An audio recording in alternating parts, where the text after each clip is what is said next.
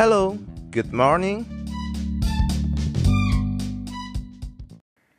Halo, balik lagi sama gue Christian dan hari ini gue mau bawa satu topik lagi yang menarik. Tentunya mungkin ini hal yang dasar tapi buat sebagian orang ini merupakan sesuatu yang baru. Judulnya adalah pentingnya dana darurat. Mungkin banyak kita di antara kita yang cukup familiar tapi uh, familiar dengan dana darurat tapi sering kali di antara kita tidak pernah melakukan secara sengaja untuk pentingnya namanya dana darurat. Seperti kita tahu di tahun 2020, tidak pernah ada satu orang pun yang berpikir bahwa akan adanya pandemi yang sangat luar biasa saat ini. Di mana virus corona COVID-19 ini mengguncang perekonomian dunia, bukan cuma mengguncang kesehatan tapi juga perekonomian. Dan tidak pernah ada yang bisa menebak. Dan virus ini sangat menyebar, sangat hebat, sangat besar, sehingga setiap manusia di dunia itu menjadi lebih berhati-hati dalam melakukan setiap kegiatannya. Yang jadi masalah adalah kegiatan ini karena virusnya menyebar sangat cepat, kegiatan yang melibatkan orang banyak saat-saat ini sudah dihindari. Mall, tempat pembelanjaan sudah mulai e, ditutup waktu itu. Bahkan lebih daripada itu, sekarang pun kalaupun saat dibuka ada banyak protokol-protokol kesehatan dan membatasi membatasi jumlah daripada pengunjung yang ada. Bahkan ketika kita ingin berpergian, kita diwajibkan untuk memakai masker dan jaga jarak. Situasi new normal ini membawa kesulitan bagi dunia usaha dan juga bagi para pekerja. Banyak di antara kita mungkin yang ada yang mengalami PHK, kontrak yang nggak diperpanjang, atau dirumahkan. Kenapa? Karena ditutupnya sektor-sektor ekonomi. Jadi secara nggak langsung sebenarnya krisis ekonomi yang saat ini terjadi ini bukan sekadar bukan kesalahan daripada setiap orang, tapi memang ada virus tertentu yang mengancam dan uh, pelemahan ekonomi ini sengaja secara sengaja dilakukan memang untuk membatasi jumlah penyakit atau virus ini yang merasuki kepada setiap orang. Alhasil adalah banyak PHK dan menurunkan taraf-taraf kehidupan ekonomi. Dan oleh karena itu sebenarnya di antara kita sudah seharusnya dan wajib di antara kita memiliki dana darurat. Apa sih dana darurat? Dana darurat adalah dana di mana kita yang kita simpan memang memang khusus untuk kejadian-kejadian tidak terduga. Biasanya buat proteksi buat setiap kita untuk menyambung kehidupan hidup. Dan mungkin nanti gue akan bahas selanjutnya yang lain. Nah, besarnya dana darurat juga berbeda-beda setiap orang. Biasanya para pakar-pakar ekonomi dan lainnya mereka membatasi di 3 sampai 12 bulan kehidupan uh, kehidupan kita, pengeluaran kita berapa sih sebenarnya sampai saat ini yang ada. Nah, itu yang bisa di uh, dicek. Nah, dana darurat itu nggak harus disimpan dalam bentuk cash atau tabungan juga, tapi bisa juga disimpan dalam bentuk reksadana pasar uang atau reksadana pendapatan tetap ataupun pinjaman-pinjaman jangka pendek yang bisa diambil secara sewaktu-waktu. Nah, jadi buat buat teman-teman yang saat ini berpenghasilan sebenarnya sudah seharusnya untuk setiap kita untuk menyiapkan hal-hal ini.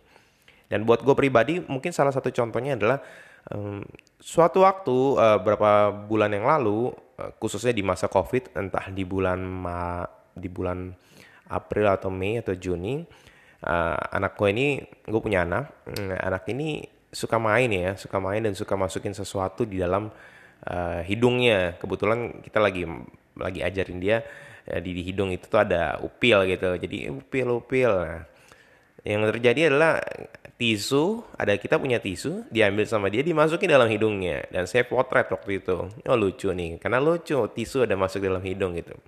Tapi nggak berapa lama tiba-tiba dibilang upil upil upil nunjuk gitu.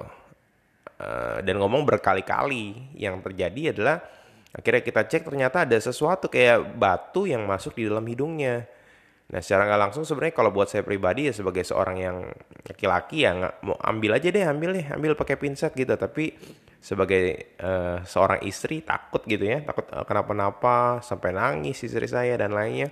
Akhirnya kita bawa ke rumah sakit terdekat kita bawa ke rumah sakit ke hospital.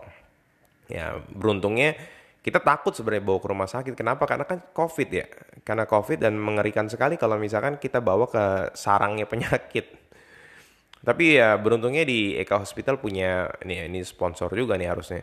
Eka Hospital punya UGD yang khusus uh, setiap satu kamar satu kamar gitu. Jadi nggak digabung semuanya. Kita masuk di situ ada uh, anak saya sih masih main, seneng dan lainnya, main jalan-jalan dan lainnya. Ternyata ya mulai diambil pinset sama dokter dan lainnya kita menunggu cukup lama. Ya singkat cerita uh, diambil kita pegang anaknya anaknya kan nggak bisa diem dan lainnya diambil lah. Ternyata lunak.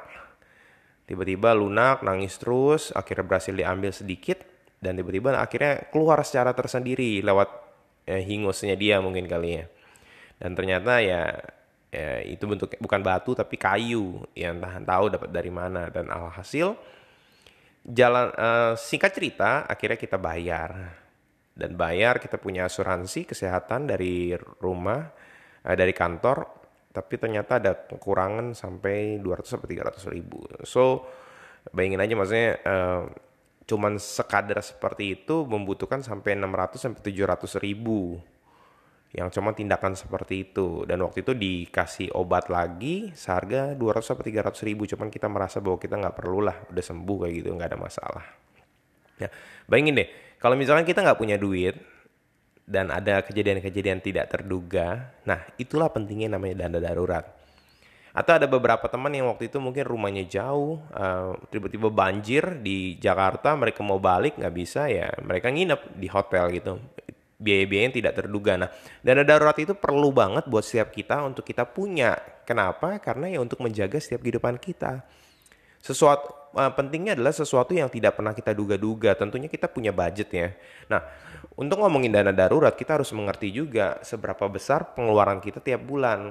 Nah, oleh karena itu sebenarnya salah satu hal yang benar-benar saya sarankan adalah setiap teman-teman mereka memiliki atau mulai mem memiliki kebiasaan mencatat pengeluaran supaya teman-teman tahu sebenarnya pengeluaran normal yang teman-teman keluarkan setiap bulannya itu berapa sih atau pengeluaran dasarnya itu berapa nggak termasuk peng, pengeluaran-pengeluaran harus beli baju dan lainnya. Atau memang kalau memang beli baju dan beli aksesoris lainnya itu merupakan sebuah rutinitas yang biasa dilakukan oleh teman-teman setiap bulan atau beli skincare, beli dan lain-lainnya ya teman-teman boleh masukkan. Tapi dia dari disiplin yang teman-teman lakukan tersebut akhirnya teman-teman akan menyadari bahwa teman-teman memiliki pengeluaran rutin sekian. Misalkan pengeluaran rutin teman-teman adalah 3 juta rupiah. Ya udah mulailah dari awal yang pertama yang harus kita lakukan sebenarnya banyak yang mengajarkan menabung pangkal kaya dan lainnya. Ada yang mengajarkan investasi dan lainnya. Itu semua hal yang benar. Tetapi dengan catatan bahwa sebenarnya kita punya tabungan dalam bentuk dana dana darurat. Nah biasanya dana darurat itu sebisa mungkin kalau teman-teman single ya 3 sampai 6 kali.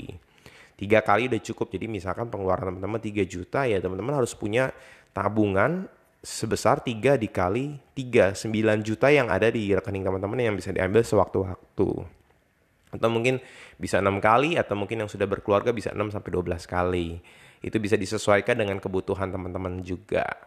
Seberapa besar dan lain. Jadi sebelum teman-teman mulai investasi sebenarnya yang harus teman-teman punya adalah dana darurat. Kenapa? Kalau misalkan kita nggak punya dana darurat, alhasil yang kita lakukan adalah kita meminjam atau menghutang ya beruntung kalau kita punya akses untuk pinjaman-pinjaman tertentu dan mampu membayarnya. Tapi kalau memang kehidupan kita aja udah sulit gitu hidupnya day by day ya akan menjadi kesulitan yang khusus. Kalau misalkan kita nggak punya dana darurat dan kita berhutang dan kita nggak bisa bayar utang. Saya sudah melihat ada begitu banyak orang beberapa orang sih sebenarnya tapi cukup banyak juga karena berada di ring satu ring dua yang karena kehidupannya pemasukannya tidak besar uh, dalam hal ini pengeluarannya lebih besar alhasil yang dia lakukan adalah hidup dari hutang by hutang gitu. Jadi ngutang sini ngutang sini ngutang sini tanpa sadar hutangnya makin banyak dan akhirnya menjadi orang yang tidak bertanggung jawab.